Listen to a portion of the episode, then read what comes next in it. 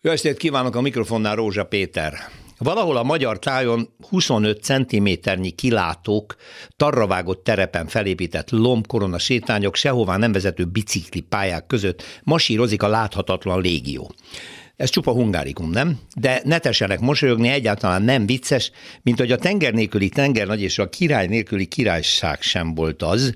Jobb lenne végre komolyan venni, nagyobb tisztelettel lennie kicsiny, de nagyon érdekes ország iránt. Az is igaz, hogy csak akkor támad kedvünk egy elismerő mosolyra, ha elég távolról figyeljük. Közelről siralmas. A láthatatlan légió ugyanis veszélyes. Hallani a menetelés zaját, de magát a légiót eddig még nem látta szinte senki. Pedig elég kemény nyomot hagyott. Például Ukrajnában, amikor Zelenszky elnöki főtanácsadója ellen merényletet követtek el, ezt követően a nyomozók 20 darab Magyarországon gyártott Kalasnyikovba való lőszerhüvelyt találtak a helyszínen. No fene. Két éve nyomoznak, és vajon hol lehet a gyár?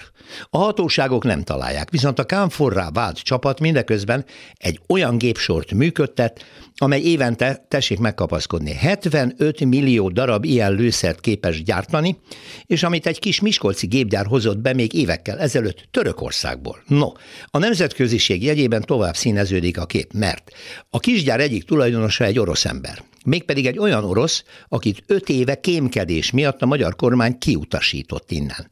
A gépsornak az adóhatóság raktárában kellene lennie papíron.